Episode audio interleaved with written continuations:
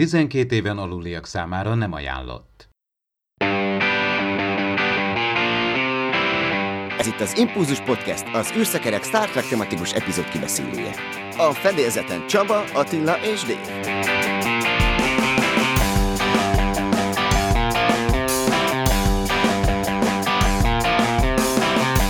Üdvözöljük a kedves hallgatókat! A Star Trek Discovery utolsó előtti epizódját fogjuk ma boncolgatni a harmadik évadból. Beszélgető társaim Attila és Dave már itt vannak velem a fedélzeten. Sziasztok, srácok! Sziasztok! Sziasztok! Michael Shabon egy nagyon vaskos háttérsztorit tett le a Star Trek Picardhoz, és ennek a részleteit most nyilvánosságra hozta itt a talán ezen a saját blogján, és hát ez elsősorban ugye a Riker Troy családról szól, itt a Titánon töltött időbe enged egy kis betekintést. Ugye volt nekik egy ö, első szülött gyermekük, aki már elhunyt, de ő ugye ilyen kitalált nyelveket alkotott meg,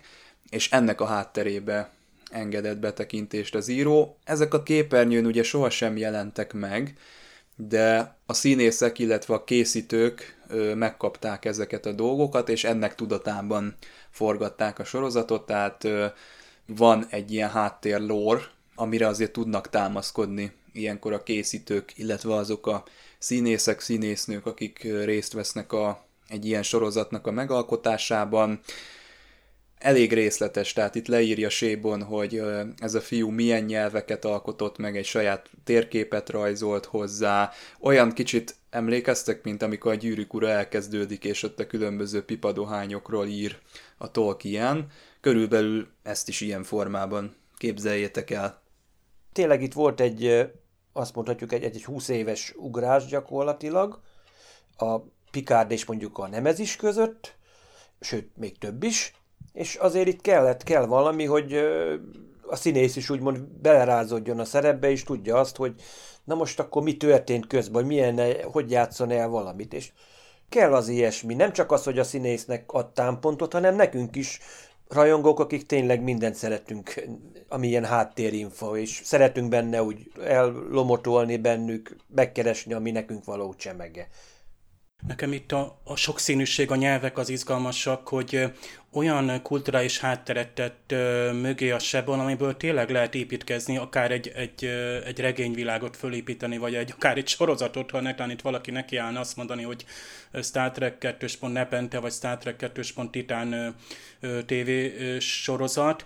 maga a Titán, mint hajó, azért érdekes, mert ugye már egyrészt, hogy nem csak regény, hanem kanonizálva lett a Lower Decks-ben, a kinézete is, ahol ugye most már kimondhatjuk, nem nagy, jó, még picit spoiler, de, de ott megjelenik azért Riker is, de a lényeg az, hogy Tadeusz ott nő fel egy olyan hajón, amin minden eddigi föderációs hajónál sokkal több a nem humanoid ö, lény vagy nem emberi lény, így, így jobb, jobb, ha így mondom, tehát nyilván főleg humanoidok, de nem emberi lények, tehát a nyelvek sokszínűsége is ott van. Egyébként ez különösen érdekes, hogy ott akkor az egyetemes fordító, ami úgymond lemutítja az ember nyelvérzékét, vagy egy ilyen három és fél éves kicsireknek a, a sok nyelvűségét, mert képes az ember agy ennyit befogadni, és itt tényleg kifejlesztett egy saját nyelvet, ezt a kelut, ebből lett ugye ez a képzelt világ, az Árdani, amit ugye gyönyörűen megrajzoltott Saban is, ezt a térképet, az ott lévő népek, tájak, az állatoknak a nyelvei, egyébként pont a nyulak nem beszélnek, ezt kicsit, kicsit sajnáltam, de, de, de egy gyermeknek a képzeletéből gyakorlatilag kialakul egy, egy a felnőttek vagy a titán legénysége meg a szülő által is elfogadott ilyen, ilyen, ilyen natív, saját magára által teremtett mesterséges anyanyelv úgy szólván. Tehát ez, ez a gyermeklogi logika meg a ilyen fejlődés történetileg is, tehát borzasztó izgalmas, tehát csak pszichológiailag megnézni, hogy, hogy egy ilyen sok nyelvű, sokfajú kultúrában hogyan lehet felnőni. Tehát már csak ebből a szempontból nagyot alkotott a, a sebben, hogy ezt a kis backstory-t ö, ö, mögé tette a, a Tadeusznak, aki gyakorlatilag, hát úgy szóval megsérelnik, bár ugye majd jön ez a James Swallow regény, ugye a Dark Veil, pont ö, hát nem is jön, hanem már ja nem, jön még, mert ö, csak jövő kedden jelenik meg, és ez gyakorlatilag akkor játszódik, amikor, ö, hát ugye a Titán fedélzetén, Picard előzményregényről van szó, ugye? Amikor is hát még igazából elég kicsi a Tadeusz. Ugye a Lower Decks epizódban ott a Tadeusz még nem született meg, hanem körülbelül ott, hát talán kis pici-pici baba lehetett a Diana Troynak a pocakjában, de, de itt már azért egy kisgyermek, és itt, itt, itt azért érdemes lesz Svelo-nak valószínűleg elolvasta ezt a Sebon féle háttérsztorit. Hát egy új rajongói film bukkant fel, ami a Romulán háborúkról szól, és gyakorlatilag ez egy ilyen dokumentumfilm, úgy kell elképzelni, mint amikor bekapcsolsz egy tematikus tévécsatornát, és a második világháborúról megnézel egy ilyen produkciót, így mutatja be tulajdonképpen a meg nem énekelt időket, amire az Enterprise-ban már nem volt lehetőség, hogy bemutatásra kerüljön. Kár, mert ugye ezt vártuk sokan, attól a sorozattól, hogy ezt is megnézhetjük. Itt a rajongói produkcióknál mindig sarkalatos pont a CG, tehát hogyha az nem sikerül, akkor, akkor ott bajok vannak. Itt szerintem azért megugrották azt a szintet, hogy ez még azért élvezhető legyen. Azt hiszem ez egy fél óra, és a második részhez már elkezdték a kampányt megalkotni, a közösségi finanszírozást, ami hogyha összejön, akkor, akkor jöhet a folytatása is. Igen, én ezt, hát láttam már az előzetesét is, és láttam ezt a bizonyos első részt, és tényleg azt kell mondjam, hogy a, nem csak így a CGI-ba ugrottak nagyot a készítők, hogy, hanem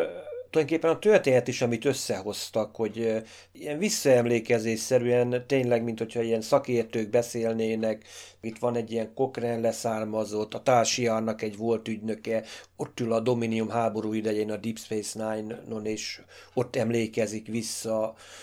filmhíradókat, szinte olyanokat raknak bele, és azt mondom, hogy tényleg le a kalappal a srácok előtt, hogy meg tudták csinálni, tényleg nagyon lelkesen, és még ki is engedték nekik, hogy egyáltalán így a, így a virtuális térben látható. Többször megnéztem, és azt mondom, hogy tényleg a második rész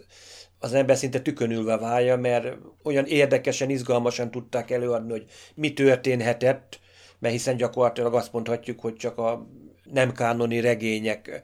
meg esetleg ilyen rajongói elképzelések vannak erről a fontos időszakról. Én várom a második részt, és azt mondom, hogy hajrá, srácok! Nekem itt hát pusztán a műfaj keltette fel a figyelmet, hogy dokumentumfilm vagy kvázi dokumentumfilm, ugye ez nem nagyon volt mégse fanprodukcióban, pláne nem nyilván kánoni produkcióban. Viszont maga a az háború... Vagy... a, a Prelude Axanar, az ilyesmi uh-huh. volt, nem? Ilyen dokumentumfilm. Igen, és ott pont, pont belement ugye pont a, ott meg a Klingon háborúba, és azzal szinte úgy ott Kánonnal ütközött, és talán azért is lett a sparkoló pályára téve, és hát meg is indult sajnos a folyamat, hogy nem nagyon lehet ilyen rajongói doksikat készíteni. Hát ugye szabadon válogat ugye a kánonból, meg a B-kánonból. Ugye nagyon érdekes, mert nekem rögtön a Star Wars jut eszembe, ahol egy picit rendezettebb az, hogy van ugye kánon és legenda, hát most már így nevezzük őket, régen ugye ez Extended Expanded Universe volt, de ugye ott sokkal szabadabb meg volt régebben engedve, és sokkal kaotikusabb volt, viszont most már sokkal tisztább, hogy mondjuk a, a Lucasfilm vagy a Disney, illetve ez a Story Group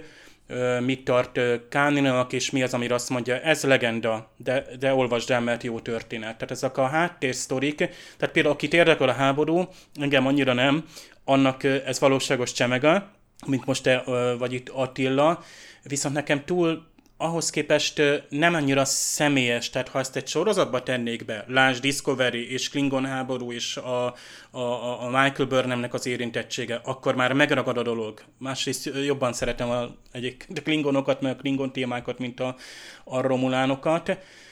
Tehát itt, itt nekem nem annyira, tehát így, így túlságosan tényszerű az, hogy engem érdekeljen, ha most lenne ebből egy sorozat, vagy ez, ez regényeken keresztül, személyes történeteken keresztül valósulna meg, akkor biztos jobban érdekelne, meg egy kicsit elveszi egy, egy kánoni filmtől azt a hát nem is tudom, szabadságot, bár nyilván majd a CBS azt mondja, hogy hát minket ez nem érdekel, és csinálunk majd egy Romulán háborús Star Trek sorozatot is. Tehát így, így picit ezt első 20 perc alatt egy olyan, olyan sztorit, amiből akár gazdagabban lehet, meg hát ez a picit össze van úgy szedegetve, ugye nyilván itt a Babylon 5-től kezdve a JJ Trekig mindenhonnan, és, és így valahogy az van, amikor tudjátok, George Lucas leült, és az előzmény trilógiában behozta azt a rengeteg politikai vonalkozást, amit a klasszikus trilógia csak úgy elvétve, nem tudom, Tárkin utalta arra, hogy hát most már ugye nincsen a, most már nem a szenátus nem kell engedelmeskedni szenátusnak. Ott behozta ezt, hogy van a kereskedelmi szövetség, ébrednek ugye a, a szitek, egyre kevésbé tartja a köztársaság kezében a hatalmat, ez a High Republic köztársaságira megszűnik, és ez nekem azért volt érdekes, mert ez személyes sztorikon keresztül, tehát ö, ö, ott voltak a, a, a Jedik, vagy a, az Amidala királynő, ott voltak a, tehát azok a személyek, akiknek keresztül láttam azt, hogy úristen, itt lehanyatlik egy korszak, jön egy háború, és az döbbentes volt, amikor tényleg a klónkatonák lemarsíroztak, mert akkor már átéltett két nagy film alatt, azt elvezetett az az élmény odáig. Tehát nekem ez a dokumentumfilm egy picit ezt, mintha azt mondaná egy valaki, hogy 20 perc alatt összefoglalom, hogy mi történt a eredeti sorozatban, de közben azt átélni ö, lenne jó. James Doohan hamvait hát fel kellett csempészni az ISS-re, mert nem engedték meg hogy ez megtörténjen, pedig Duhennek ugye ez volt az utolsó kívánsága, hogy az ISS-en ott lehessen a halála után. Ezt az első oda igyekvő űrturista, Richard Geriot tudta megvalósítani, tehát ő fel is kereste a családot, és azt mondta, hogy bízzák rá ezt az egészet, megoldja. Föl is vitte, és elrejtette valahol a, padló alatt a, James Duhannek a maradványainak egy részét, és elhelyezte ott a fotóját is, azt hiszem, úgyhogy így mégiscsak megvalósult a színésznek az utolsó kívánsága. Ugye biztos van ennek valami jogi elévülése, nem hiába csak most hallunk erről, 2008 óta először,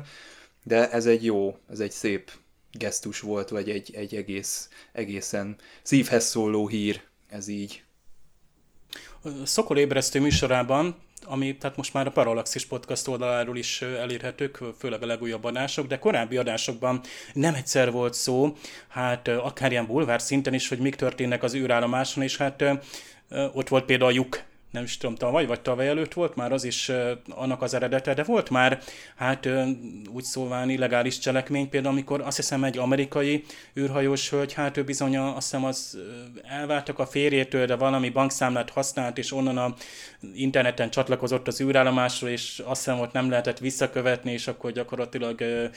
Hű, hát így fő alatt vont le a bank, közös bankszámláikról valami összeget, és mivel a, mondjuk az ISS-nek most már simán egy elég jó internet kapcsolata van, meg nyilván az ottan. Tehát ez a tíz évvel ezelőtti sztori tényleg azért fantasztikus, mert lehet, hogy a protokollok is szigorúbbak voltak, most már ugye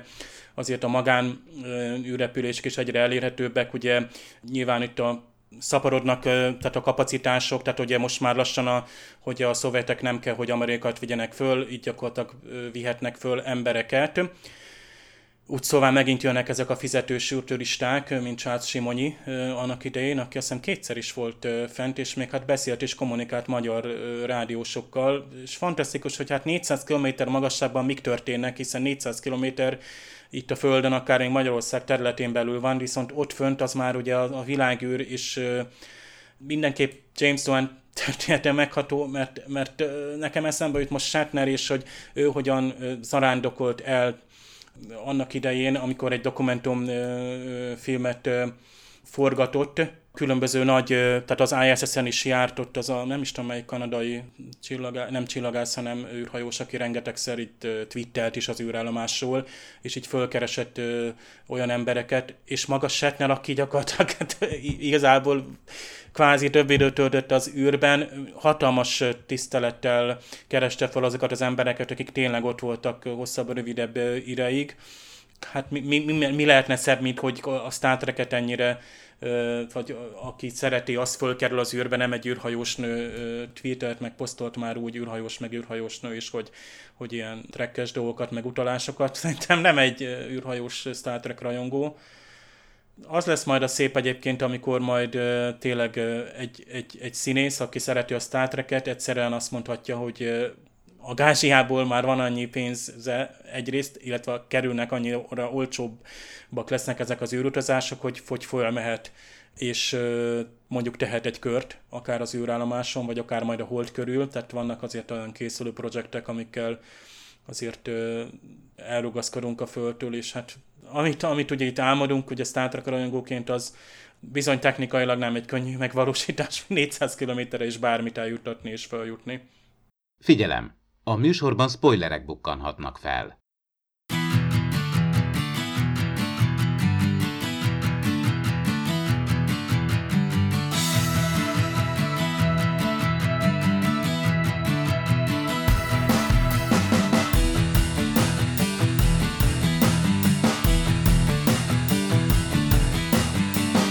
Oszira bejut a föderációs centrumba, és ugye visszatér Zare, sejtettük, hogy ő, ő még fog szerepet kapni. Mondjuk szerintem azért a smaragdláncnak vannak olyan erőforrásai, hogy a szétfagyott kezét azt helyek közel rendbe hozza, vagy egy robotkézzel pótolja, vagy valami, de hát ugye egy jó ilyen főgonosznak nyilván meg kell mutatnia, hogy mi történt az ő karjával, és hogy bosszúra szomjas. Magyarul ez egy jó dramaturgiai elem. Illetve, ugye Booker és Burnham, én azt hittem, hogy ők ott fognak maradni, tulajdonképpen a káberék közelében, de nem, visszajöttek egy ilyen futár transztérjáraton, ami nagyon veszélyes, és sikeresen landoltak a Discovery-nek a rakterében, úgyhogy innentől kezdve indulhat a Die Hard. Hát azért az, hogy landoltak, az egy kicsit költői túlzás, én inkább irányított becsapódásnak mondanám mondjuk ez a transztérjárat, ez engem hirtelen arra emlékezett, ami volt a Voyager-be a Watt epizód, hogy ott is a, az a transztérhálózat gyakorlatilag tele volt mindenféle szeméttel, hajóroncsal. Kicsit ez hirtelen nekem az a rész jutott eszembe. Engem mondjuk az lepe, mondjuk az, hogy ott nagy nyugodtan nézik a úgymond emel mögött, a védőpajzs mögött, mert ezek szerint ez mégse álcázza, ami ezt a főhadiszállást beburkolja, hogy azt mondja, hogy kell nyitni egy kis rést, hogy a Discovery-t most beengedjük, ne engedjük. Szinte azt lehet mondani, hogy szinte az utolsó pillanatban kapcsol Vance Admiral is, hogy hát Osiria ott van a Discovery-n, tehát már gyakorlatilag szinte ben van a hajó, a trójai falon már bejutott, akkor kapcsol ő is, hogy hoppá. Egy kicsit gyanús volt, hogy azért uh, itt lövik, lövik, de az meg ott nyugodtan ott be tud jönni. Hát Zareken mondjuk nem lepődtem meg, gondolom a, azért Ossiria a kezét csak akkor ígéri megreparálni, hogyha úgymond sikerül a terv. Hát azért annyira nem hiszem, hogy olyan jelentős személyiség lenne, hanem ő volt kéznél, úgymond Zarahet fel lehet használni, hogy rémizgessen, intézkedjen, de valószínűleg ilyen önálló feladatot nem bíznak rá, amint azt láthatjuk, hogy azért Burnham azért ki tudja cselezgetni egy-két dologban. Viszont engem meglepett Oszirának az ajánlata, ami történik ebbe a, az epizódban. Hát az ajánlata engem is meglepett, nem tudtam hova tenni, tehát nyilvánvaló, hogy mindenféle trükkre gondoltam, és hát számomra ő mindig nem a De a jó értelemben lepett meg, vagy a rossz értelemben lepett meg? Mert engem, engem a jó inkább, tehát így sokat beszéltünk róla, hogy nincs jellege ennek az osszirának, és szerintem itt egyértelműen egy, egy csúcspontja volt, vagy legalábbis a legjobb történetszál volt ebben a részben a tárgyalás. És ahhoz, Várjál, hogy ezt... de hogy jutsz el egy csúcspontra? Valahol ö, vannak lankák is, tehát föl kell hát oda, igen. tehát föl kell jutnod, és az osszájra vagy oszira nincs előkészítve, tehát nem látom mögötte azt a, azt a jó, most mondhatnám azt, hogy többször 26 epizódos évadokkal persze, hogy föl lehet építeni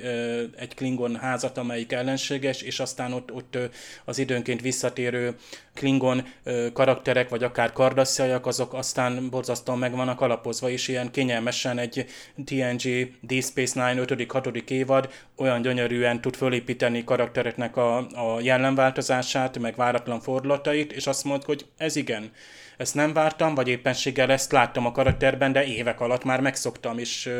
és fölépítették. Tehát itt nagyon nehéz dolga van az íróknak, hogy, hogy, hogy utcán a fiókból szedünk el, és tényleg úgy szóval hát sajnos így klisékből építkezve egy ilyen, ilyen karaktert, mint az Oszájra, akinél egyszerűen, tehát, a, tehát számomra például a, a Jake Weber volt sokkal izgalmasabb, talán azért, mert szeretem a színészt. A Rin, aki, már, aki mögött már apró mozaikokból nekem elég volt fölépítve, hogy féltsem, és a Bookert meg pláne ebben az epizódban, tehát el tudtam képzelni, simán satszoltam, hogy ő, ő már a következőben nem fog szerepelni, vagy bármelyikük nem. Ez a tárgyalás is, tehát a Vance-től naivabb, nem is tudom, admirális, nem láttam most, oda, oda rendeli ezt a fehér öltönyös hologramot, aki, aki gyakorlatilag ilyen ö, tényleg futurisztikus hazugságvizsgálóként működik, tehát hazugságvizsgálókat régen is át lehetett verni, de nem tudom mennyire világították át az osztályát, oké, okay, egyszer látták, hogy hazudik.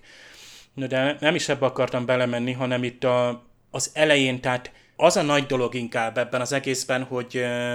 elhiteti a nézővel, hogy valami olyasmit akar, ugye, mint a ugye a Discovery is, hogy nekünk van spórahajtóművünk, és ha már van spórahajtóművünk, akkor azzal egy áldatlan állapotot meg tudunk szüntetni. Tehát lásd, az oszályra ki van fogyva a dilítiumból, nincsen más választása, tehát valamilyen békét vagy kompromisszumot kell kötnie, viszont van egy olyan giga fegyver a birtokában, nem fegyver, hanem maga a spórahajtómű, amit ugye még nem tud teljesen kezelni, bár ugye hozzá tudja rendelni, tehát hozzá, tudja, hozzá tud férni a saját hajójához, hozzá tudja csatolni a sporajtóművet, tehát igazából nem értem, hogy miért el lehet tárgyalni, miközben maga a kis birodalmát tovább tudná építeni, és tovább, tehát ha ezt visszafejtik, lásd a, a, a a DNS-éből, hogy hogyan kell ezt használni, akkor igazából az osztályra teljhatalmú ura lenne, főleg ilyen szétesett rendszereknek ezért nem értem, hogy miért, áll, miért el tárgyalni, tehát azért van annyira átlátszó az, hogy, hogy miért akarna ő, ő bármiképpen is békét a föderációval, tehát ez, teljességgel, ott Vance nyilván puhatolózni akart, és azért állt meg, tehát én végig azt hittem, hogy ő csak megjátsza magát, és nyilván is, mert nyilván volt egy komoly ultimátum, amit ő szabott volna abban szempontból nem volt rossz a tárgyalás, itt kőkeményen kiteregették a, a feketén-fehéren is elég szókémondóan azokat az, az érveket, hogy, hogy elég szar helyzetben van mindenki. Szerintem a, az Oszira nem úgy gondol magára, mint egy zsarnok, hanem ő ezt egy ilyen nagy vonalúságnak tekinti, hogy jó, akkor ő most tárgyal a föderációval, vagy egy ajánlatot tesz neki, és segít árnyalni szerintem ezt az egész smaragdlánc Oszira vonalat a bemutatkozó új karakterünk, Aurelio, ugye akit Kenneth Mitchell formál meg ebben az ilyen lebegő tolószékében, vagy székében, ami egy jó ötlet volt arra, hogy visszahozzák a színészt. Tulajdonképpen az ő karakterében látszik a, a teljes bizonytalanság itt az Oszirával kapcsolatban, őszintén megdöbben rajta, hogy az Oszira egy ilyen erőszakos nő. Pedig azért hallhatta volna a hírét, hogy miket művel a galaxisban, de hát mondjuk tegyük föl, hogy ez az Aurelio nem ad az ilyenekre, vagy, vagy szándékosan elhesegeti ezeket magától, vagy azt mondja magában, hogy ez agyfajta célszentesíti az eszközt, tehát nincs minimális erőszak nélkül eredmény, de ugye amikor ő szemtől szembe találkozik ezzel az attitűddel, mert gondolom ő eddig csak barátságos körülmények között akadt össze az oszirával, és nem látta őt még így akcióban, tehát ő neki ez egy új fejlemény, hogy tulajdonképpen mégiscsak képes ilyen rémtettekre, amik talán már terjednek róla a galaxisban, vagy amiket mondanak róla. Hát lesz itt nem mondanám ezt nagy pálfordulásnak, azért látszik a Kenneth Mitchell arcán, hogy itt támaszkodhatnak majd rá a főszereplők. Végül is szerintem egy, egy megfelelő visszatérést sikerült itt a színésznek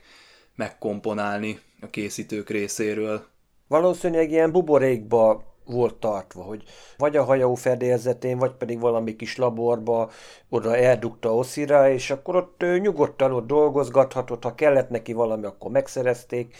hiszen látjuk itt, nagyon sok minden tud itt a spóra hajtóműről, hogy valószínűleg itt a régi adatbázisokat valahogy így feltúrták neki, vagy ő kezdte keresgélni direkte a spóra hajtóműre koncentrálva, hogy na mit írnak róla, zárolt fájlok, régi hajónaplók, etc. etc., hogy ő, tulajdonképpen ő nem tudta, hogy mi van. Ő, hiszen ahogy mondja, hogy őt is, hogy na, egy, ez a betegsége volt, és tényleg Oszira ilyen, mint egy ilyen mentő anyja, hogy hát, hát majd esetleg, tud, esetleg keresünk neked valami gyógymódot, cserébe akkor úgyis szeretsz ilyen mindenféle ilyen tudományos dolgokba hozva nagyad, akkor legalább te is segítel nekem. Tehát és valószínűleg amit tudott, vagy véletlenül azért megtudta, hogy azért a Smaraglánc nem egy jótékonysági szervezet, hanem mindenfélével foglalkozik rabszolgakereskedelemtől kezdve bármivel, ami hasznot hoz. Ő inkább akkor behúnyta a szemét, én csak tudós vagyok, én csinálom a munkámat, tehát ilyen kis elrázálkozás volt addig, amíg tulajdonképpen így be nem dobják a sűrűbe, hogy na, dokikám, itt van a amit keresgéltünk, ez a spórohajtómű, na fejtsd vissza, és akkor tényleg, hogy hiába úgy próbálj, na bekapcsolják neki az Andorian operát, hiszen tudjuk, hogy azt szereti, és akkor úgy magára hagyják. Na innentől kezdődik a baj, hogy akkor nincsen mellette Oszira, ha bármi valami furcsaságot lát, hogy megnyugtassa Ódoki, nem úgy látja. És éppen így, hogy azért amikor van ez a, ez a kis párbaja szópárbaja itt a Doki Stametszel, tényleg ez mutassa meg, hogy ő tulajdonképpen mennyire naív, hogy hát igen, vissza tudom fejteni magából a maga DNS-éből, hogy igen, hogy hogyan lehet ezt a spórahajtóművet működtetni, minden, de már akkor egy kezd, lassan a puzzle kezdenek benne összerakódni, csak kell még az, hogy megugolja azt a szintet, hogy hoppá, hát engem ugyanúgy megvezettek, mint bárki más, hogy itt mégse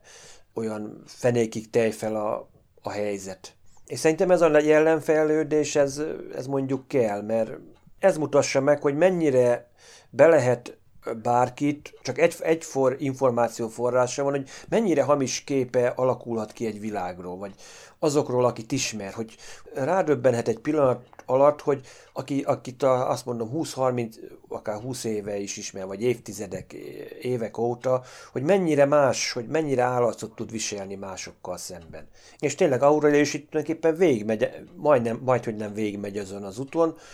ami, mint látjuk, azért nem jó oldalon áll. Nincs mozgástere,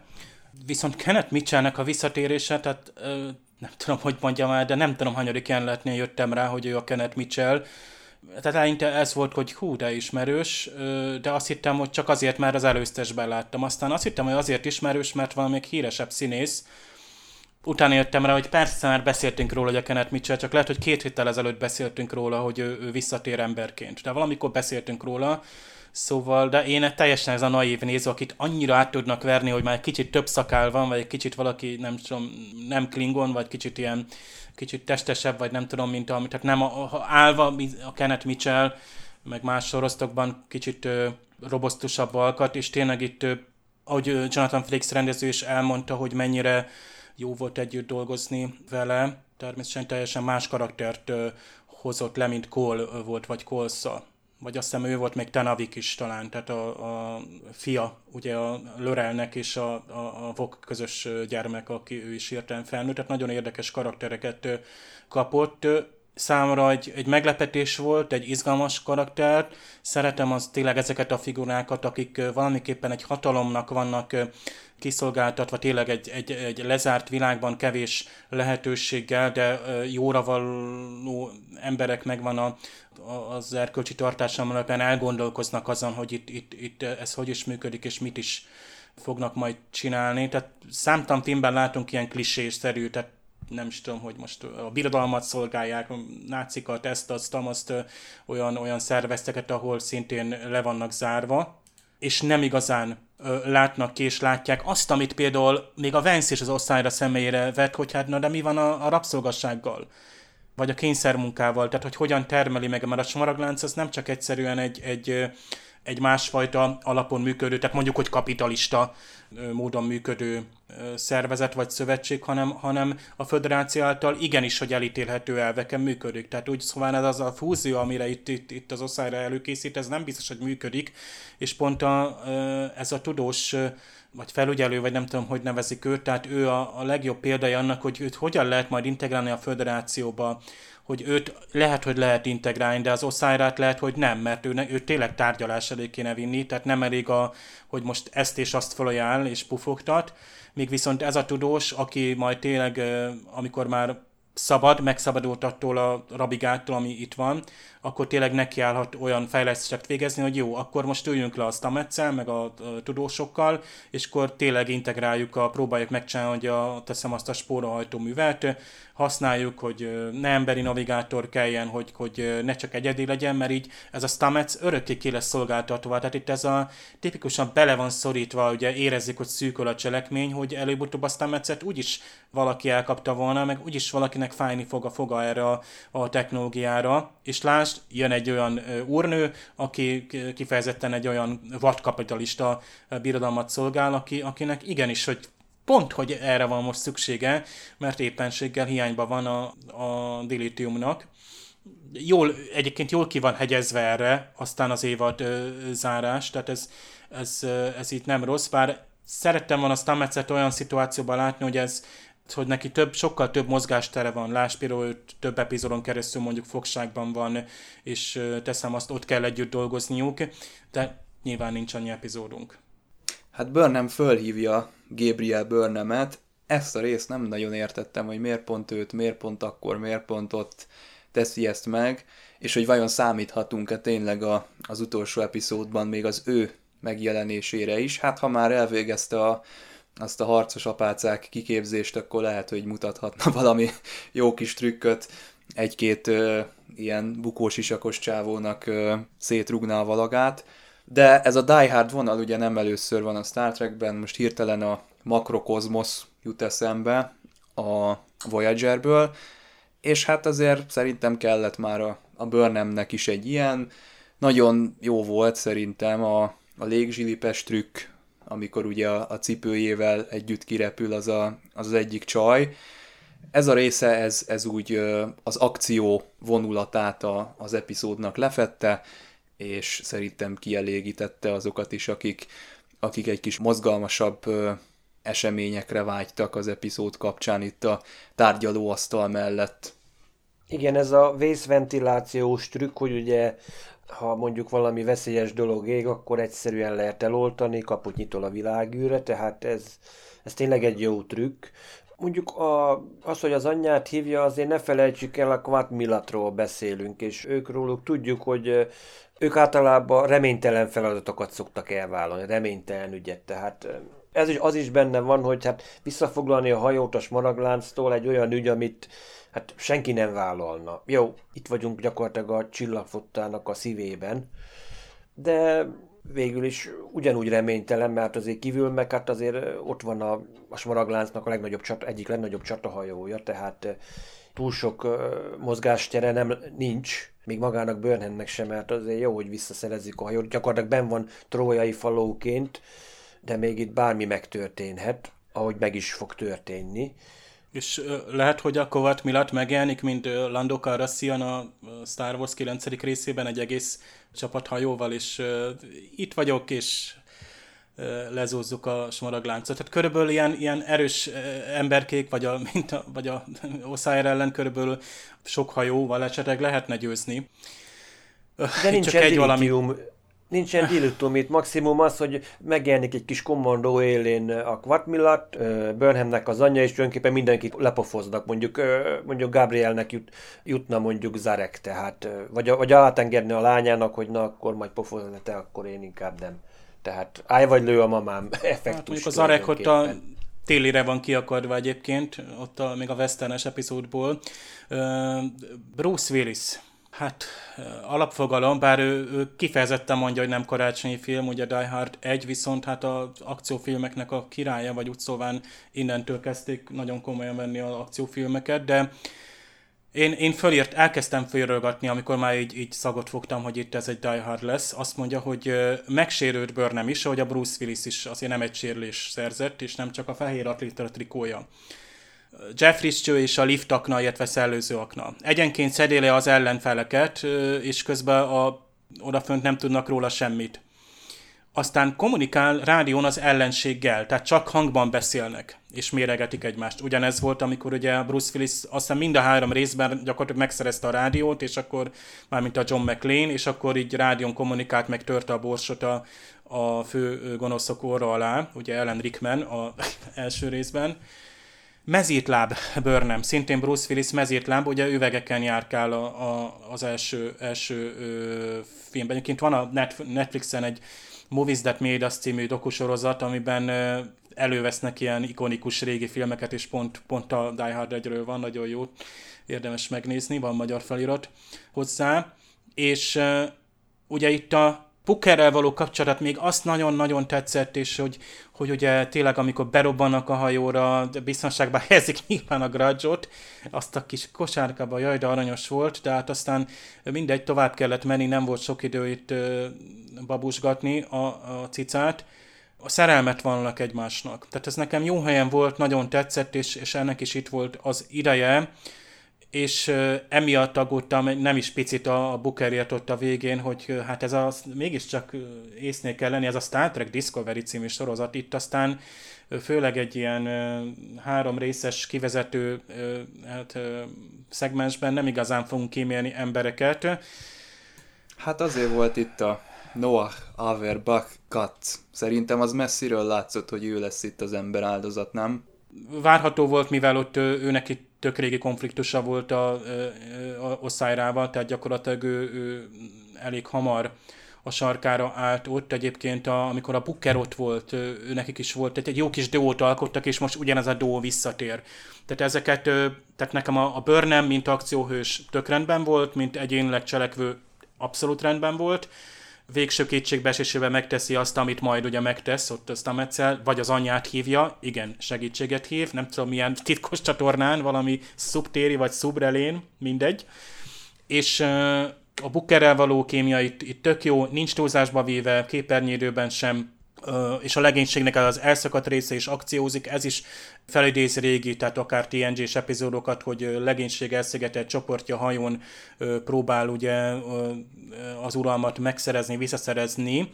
Egyedül egy picit ott a, nekem a Tili volt, hogy vagy csak ott rájátszott, vagy lehet, hogy színésznek azt mondták, hogy neked most itt keménynek kell lenned, de hogyan kell keménynek lenni? Hát legyél olyan, mint amikor a Kili kapitányt játszottad el, vagy játszottad meg. Tehát nekem a Tili most is olyan, mint a megjátszaná ezt a keménykedést, Egyébként ott a Morzes jelenetnél ott tényleg ott, ott megjátsza magát, mert ott már ugye szervezik, a, ugye, hogy, hogy leverik azokat az őröket. Egyébként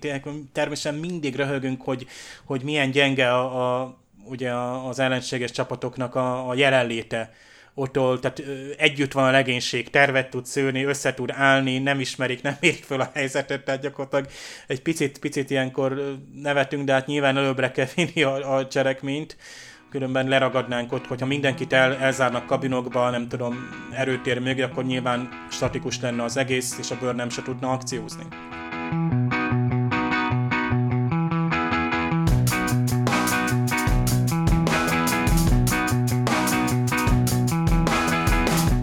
A fedélzeten. Csoba! Hú, csoba! Csob, csü, csoba!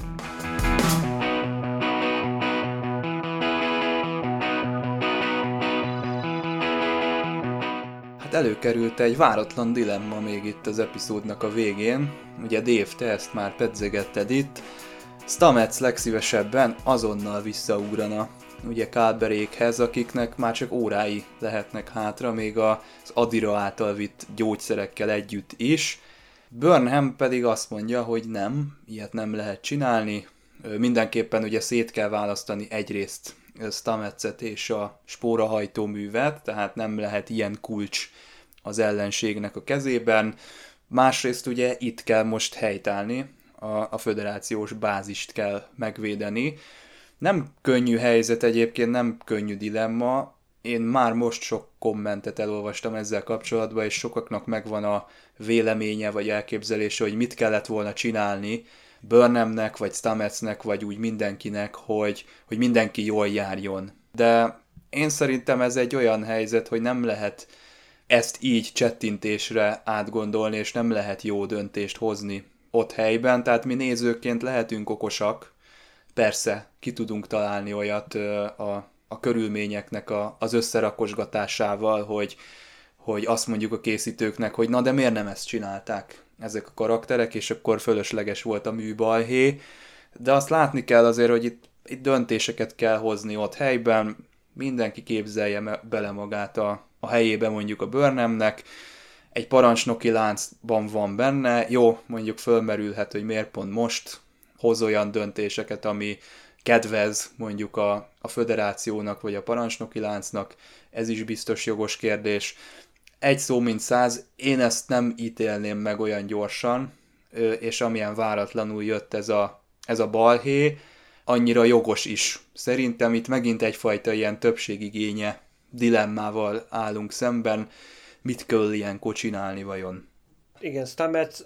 azt mondanám, hogy uh, ahogy viselkedik mondjuk ott uh, Burnham jelenlétében, hogy na menjünk vissza, menjünk vissza. Ő tulajdonképpen azt mondja, hogy szarújék ott vannak. Tehát ő azt kell mondjam, hogy uh, két személyre gondol inkább, akik még ott maradtak, hogy egyrészt ugye ott van Kálber, tehát személyes, másik meg Adira tulajdonképpen miattuk angó, aggódik, tehát egyik az a, ugye tudjuk, hogy a párja, a másik meg Adira, meg egy ilyen, szinte azt mondom, mint hogyha a gyermeke lenne, tehát nem, ezért van úgymond érzelmi döntést próbál hozni, nem pedig azt, hogy, hogy most akkor most a legénységet mentsük, vagy, vagy, vagy, pedig, maga, vagy pedig rejtőzően elmegy, gyakorlatilag ő az aduász az egész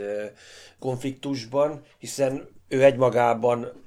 is értékes, nem csak a DNS-e miatt, hanem tulajdonképpen ő ért legjobban a spóra hajtómű, hogy tulajdonképpen álmában, álmából felriasztva bekötött szemmel össze tudna rakni egy spóra technológiát. Tehát emiatt itt, amit láttunk eddig, hogy a Adirával való kapcsolata itt lett tulajdonképpen kiélesítve, hogy ő tényleg egy ilyen egy ember érdeke fontosabb a, a többségénél, és tényleg Burnhamnek itt választania kellett, hogy mit csináljon, és döntött. Mondjuk érdekes, hogy tényleg ő az egyetlen szinte détán kívül, akit idegi nyakfogást, a vulkáni nyakfogást azért tudja alkalmazni, hiszen eddig csak détától láttuk, ha jól emlékszem. De mondjuk érdekes, hogy azért a Burnhamnek csak meg sikerült be, megtanítani, pedig, pedig maga Spock mondta mindig, hogy hát ezt, nem, ezt emberek nem tudják elsajátítani, és nem tudják kiszámolni, mennyi a valószínűség, hogy magát Körk meg tudja tanítani. Hát, De ezek csak szerint lerázta szerintem a Körköt, nem akart vele foglalkozni. Ja, azt mondja, elég volt Burnhamet megtanítanom, nem, hogy még magát is kapitány. Hát... Igen. Ha emlékeztek, mielőtt elindult Burnham, Saru és Kalber arra a küldetésre, ami elkezdődött a múltkori epizódban, ott a Vance eléggé a lelkére kötötte, hogy tud-e majd dönteni abban a helyzetben, ha megint egy ilyen szituáció van, ahol neki kell meghozni egy vészszeres döntést, lásd a Iriam megkímélése. Vagy ott volt szintén Vance, amikor például ő meg pont Szarut arra beszélte rá, hogy nem kell mindig ezt a többség érdeke elvet követni, mert van, amikor igenis meg kell menteni egy embert, a george és a picit félre kell tenni, ha lehet, úgymond a többség érdekét. Egyébként is ez egy vulkán ilyen utilitarista, a, tehát ez a nagyon kizárólagos, nagyon relatív, borzasztóan szituációhoz kötött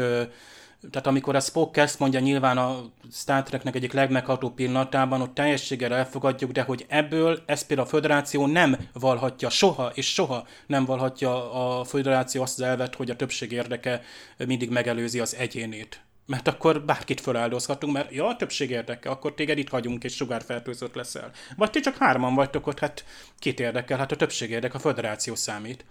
Tehát Burnham sem biztos az alapján dönt, de meghoz egy olyan döntést, amit egyébként most meg kell hozni, mert pont az, hogy leválasztani Stammetszet erről a hatalmas felelősségről, hogy ott őt megkínoznák, szétszednék, és a többi, hogy kiszedjék belőle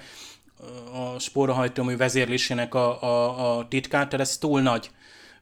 ami, ami rajta van. Más oldalról, hogy ugye Stametsnek már így épül fel tényleg az élete, tehát itt a, a Kalberrel kapcsolatban is te, teljesen minden rendben van, ott van az Adira, mint, mint lányuk, vagy effektív a gyermekük, szinte bár ott elég keveset épített két, ott ki, mint a, kimaradtak volna, lehetettek volna kicsit jobban koncentrálni hármójukra, de azért értjük azt, hogy miről van szó, és hogy most mennyire kell Adiráért aggódni, aki szintén egy ilyen, hát ilyen megint ilyen John McLean akcióba kezdett, hogy eljutassa a, a sugár zás ellenes gyógyszert a lent lévő knek, ugye Sarunak és Kalbernek, akik egyébként elég rossz állapotban vannak, ahogy látjuk az előztes képeket, tehát fertőzöttek már a sugárzástól. Burnham szokás szerint meghoz egy döntést, de itt én, én, én, én ezt, ezt itt el tudtam fogadni, tehát abszolút nem is tudtam volna, hogy itt mi, mi lehetett volna, tehát persze, hogy néző okosabb, mindig a néző okosabb, és amikor már végni az egész év alatt, persze, hogy ő a bölcsebb, de itt meghozott a Burnham egy olyan döntést, aminek biztos lesz következménye. Minimum az, hogy a, a, a Kálber majd ö, csúnya szemmel néz rá, vagy nem fog benne bízni. Lásd annak idején, mint szaru. Ö, áthágott egy személyes ö, határt is, úgymond. Egyébként ezzel kapcsolatban egy érdekes, hogy Burnham és Stamets tegeződnek a magyarban, a felirat szerint, de például németben magázódnak. Egyébként szerintem hát még ők magázódniuk kéne amúgy, de lényeg az, hogy tényleg átlépett egy olyan határt, hogy amikor valakit elkábítok, az körülbelül az, amikor leütöm a kapitányomat, mert én úgy gondolom, hogy nekem van igazam, csak itt most tényleg egy, egy olyan vészteres helyzet van, hogy, és a Burnham már adrenalin túltengésben, vagy nem tudom, itt totál be volt,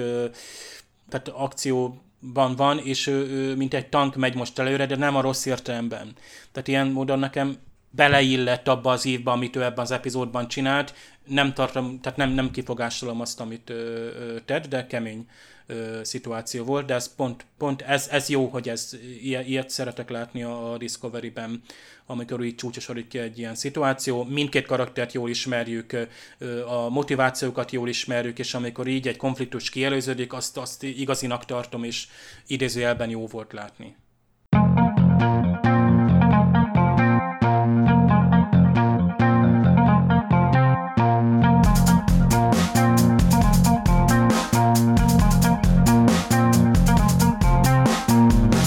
Hát egy tisztességesen előkészített finálé van itt, szerintem. Nekem nagyon tetszett ez az egész úgy, ahogy van.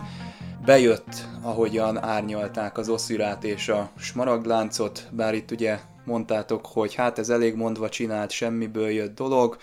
Igazatok van egyébként, teljes egészében adom. Nyilván persze a Discovery-től többet várunk, hiszen ez egy serializált ö, sorozat lenne, elvileg, tehát itt azért jól fel kell építeni a karaktereket, főleg egy főgonoszt nem jöhetnek elő hirtelen, túl hirtelen motivációk. Én itt most mégiscsak úgy érzem, hogy ez még úgy rendben volt, tehát nem, nem volt annyira kalapból előrángatott dolog, és ha mégis, akkor engem teljesen kárpótolt ez a tárgyalás. Tehát egy ilyen tárgyalóasztalnál ülni a főellenséggel szerintem sokkal jobb, mint amikor egy ilyen kán-szerű, ilyen ö, nagyon túljátszott ö, valaki ordít le egy szikláról, és ilyen teátrálisan elindítja a, a világot elpusztító rakétákat. Nyilván ehhez ott van a Jake Weber, tehát ő volt ez a karakter, aki ez a megrögzött ö, rossz fiú. Vance-t nagyon adom, nekik nagyon, neki nagyon ott vannak az érvei, bár Dave azt mondta, hogy naív szerintem jól képviseli a, a föderációs eszményeket, és igen, tehát itt számon kell kérni ezt a rabszolgaságot, számon kell kérni az elszámoltatást, hogyha van egy ilyen szövetség, akkor az nem lehet képmutató. Tehát ezeket az elveket ö, igenis ezekhez ragaszkodni kell. Szerintem jól csinálta, és néha méltatlanul sok ilyen ilyen puffogó szerep jutott neki az epizódokban. Itt most jól, jól megírták neki ezt a tárgyalós jelenetet, és szerintem ez mindkét karakternek, az Oszirának is, és a Vance-nek is a javára szolgált, hogy egy ilyen story arc alakult ki ebből az egészből. Úgyhogy én ezt nagyra értékelem, meg azt is, hogy most a készítők azt bevállalták, hogy most erre figyelünk, hogy itt mi történik, és addig ö, nem látjuk, hogy a káberék mit csinálnak a csillagködben, azt majd a következő epizódban megtudjuk és kiderül, hogy mennyire sínylették meg az ott tartózkodásukat. Illetve egy érdekes dolgot vetít előre, ez a DOT 23 egységekben hordozott szféra, aki majd kíváncsi leszek, hogy hogyan segíti elő az itt kialakult helyzetet, és mi lesz majd a megoldás ennek, a, ennek az egésznek a lezárásában akciójelenetek tetszettek, az is, hogy most tényleg csak itt ide erre a helyszíne koncentrálunk. Rint azért sajnáltam. Tényleg látunk most egy ilyen Star Trek Die Hardot, de ez szerintem ez nem baj. Örültem mondjuk Aureliusnak a karakterének a megjelenésének, meglássuk, hogy mennyire sikerül majd akkor következő epizódban neki helytállnia, vagy átállnia, vagy nem tudni, hogy mit fog csinálni. A robotokra az, azok a végén az megint egy tényleg egy nagy meglepetés volt, hogy már tényleg már is felejtkeztünk a, szféra, a, a gömbnek a tudástáráról, ami lassan intelligencia jeleit mutatja. Mindig tudnak a, a, valami kis meglepetést, azért most már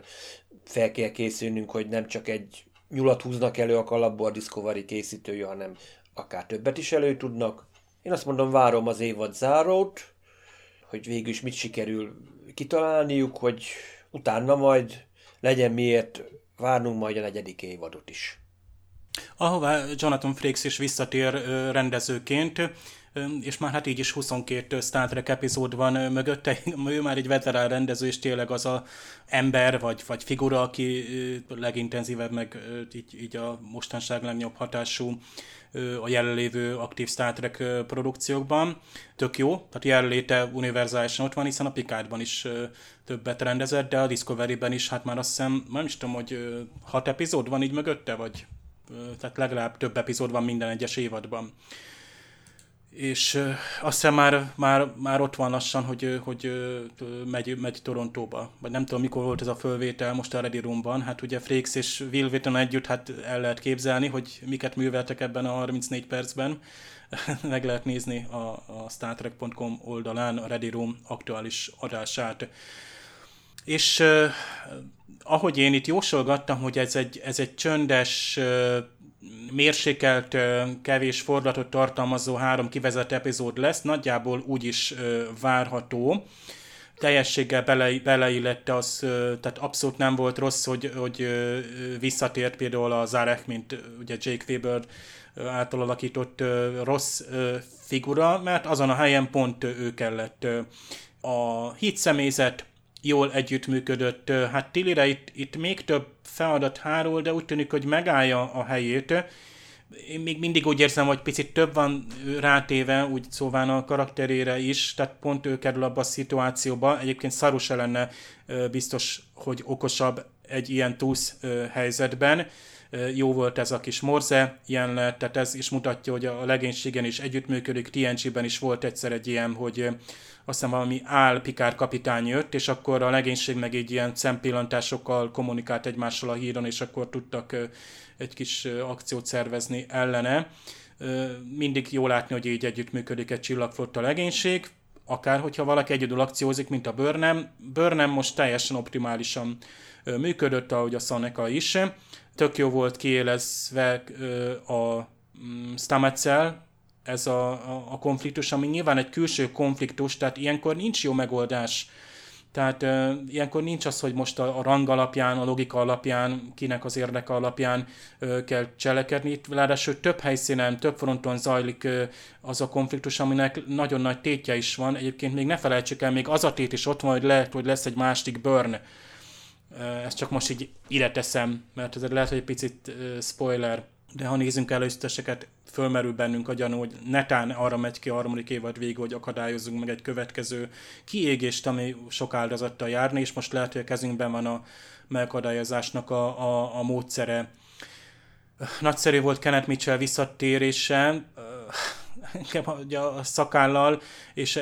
a jó színészi játékával teljességgel elvarázsolt, tehát egyrészt nem ismertem föl, és nem volt összekeverhető az eddig átalakított karakterekkel. Én nagyon szorítok a színésznek, és csodálatos, hogy ilyen lehetősége volt a betegség ellenére is, hogy, hogy így egy ilyen szerepet érjen vissza, és nem is könnyű volt szerintem ezt a levitációs székes dolgot megoldani. Egy ilyet leforgatni már csak alapból nem lehet könnyű. Még nem néztem meg a behind the scenes jeleneteket, nem láttam, hogy hogyan történt ennek a forgatása a tárgyalás, na most itt azért csak utána gondoltam, hogy itt mondtátok, hogy ez mennyire erőteljes volt, az mindenképpen, hogy azért a, a Vance azért erős, és azért most már egy, egy, egy, egy standard és megbízható figura itt, mert tényleg hozza azokat a csillagfottának az eszményein túl a csillagfottá által megkövetelt elveket is, mi szerint, hogy igenis, hogy van ö, számonkérés, tehát nincs olyan, hogy ö, teljességgel eltörők a múltat. Most rendben van, hogy meghatározzuk, hogy ö, megpróbáljuk átlépni azokat a problémákat, amiket akár a déli tímhiány okozott, és kialakult egy olyan kapitalista rabszolgatartó rendszer a másik oldalon, és hogyha a spórahajtómű univerzálisan elterjed, akkor az, az feloldja azt. De hát mindig tudjuk azt, hogy amikor kilátás van arra, hogy a problémákat, társadalmi konfliktusokat a, a, és a, a bűnt okozó körülményeket megszüntetjük, akkor nagyon hamar kialakul újabb olyan körülmény, amivel, ami, ami ismét felszíre hoz. Tehát igazából egy társadalmat nem lehet szóval megtisztítani. Persze erre voltak forradalmak és, és felkelések, és azok vitték előre mindig az adott társadalmat, csak itt már túl nagy tehát azt hiszem a föderáció tényleg nem jöhet, tényleg nem állható, állítható helyre. Ez nagyon fontos szerintem, hogy itt új föderációról beszélnek. Tehát ugye ezzel a kereskedelmi szövetséggel lásd Star Wars,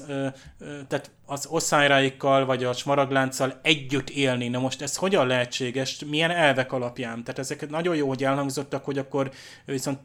számon kérhetővé kell tenni, az, tehát valakinek vállalnia kell, hogy például majd képviseli a smaragláncot, de kicsoda az ószira képviseli, akkor igazából ő hogy tud annyi bűnnel maga mögött? Tehát ez, ez oda teszünk egy olyan, olyan tudós embert, mint ugye a, az Aurelio, aki gyakorlatilag egy, egy a nyitottságot, megtisztulás vagy a föderációhoz legközelebb álló elveket képviselheti. Tehát itt, itt én azt hiszem, ezek majd a negyedik évadra halasztódnak. Tehát itt most valószínűleg viharosan inkább a, a tüzet kell oltani, tehát lásd ugye a bajba jutott embereket kiszabadítani, egy másik bört megakadályozni, és a többi és kicsit jegelve lesznek ezek a nagy politikai megoldások, bár ugye hát nem tudom milyen trükk ez, és miért, és hogyan, és miért változnak az epizód címek, a meghirdetett epizód címek, már nem is tudom, hanyadjára változnak. Annyi biztos, hogy például a Szukál is más volt, ott például a Citadel volt, és a There is a Tide, én ezt tegnap előtt láttam elsőként ezt a címet, mert itt valami más volt, nem is tudom, People of Earth, vagy nem tudom mi volt, nem, az már egy korábbi epizód, de valami más volt a cím, és az utolsó rész címe is más volt, viszont biztató, hogy a That Hope is You Part 2 visszatér, és talán visszatérünk majd a, hogy is hívják, ugye azt a magányos föderációs utolsó helyőrünket, aki ugye ott volt magányosan, a, ja igen, az a Adita Sahil, aki ugye képviselte azt a föderációt, aki a, a vár arra, hogy hogy hogy, helyejtsák, hogy a régi legyen. Tehát vajon melyik vonat, a, a, a Vance valósul meg, vagy az Arita Sahil nek a sokkal racionálisabb és ö, a konfliktusokhoz jobban igazodó, de az elveket ugyanúgy tartó ö, rendszere. Tehát itt a föderáció annyiféleképpen él tovább, még a smaraglánc is egyfajta utótermék a föderációnak,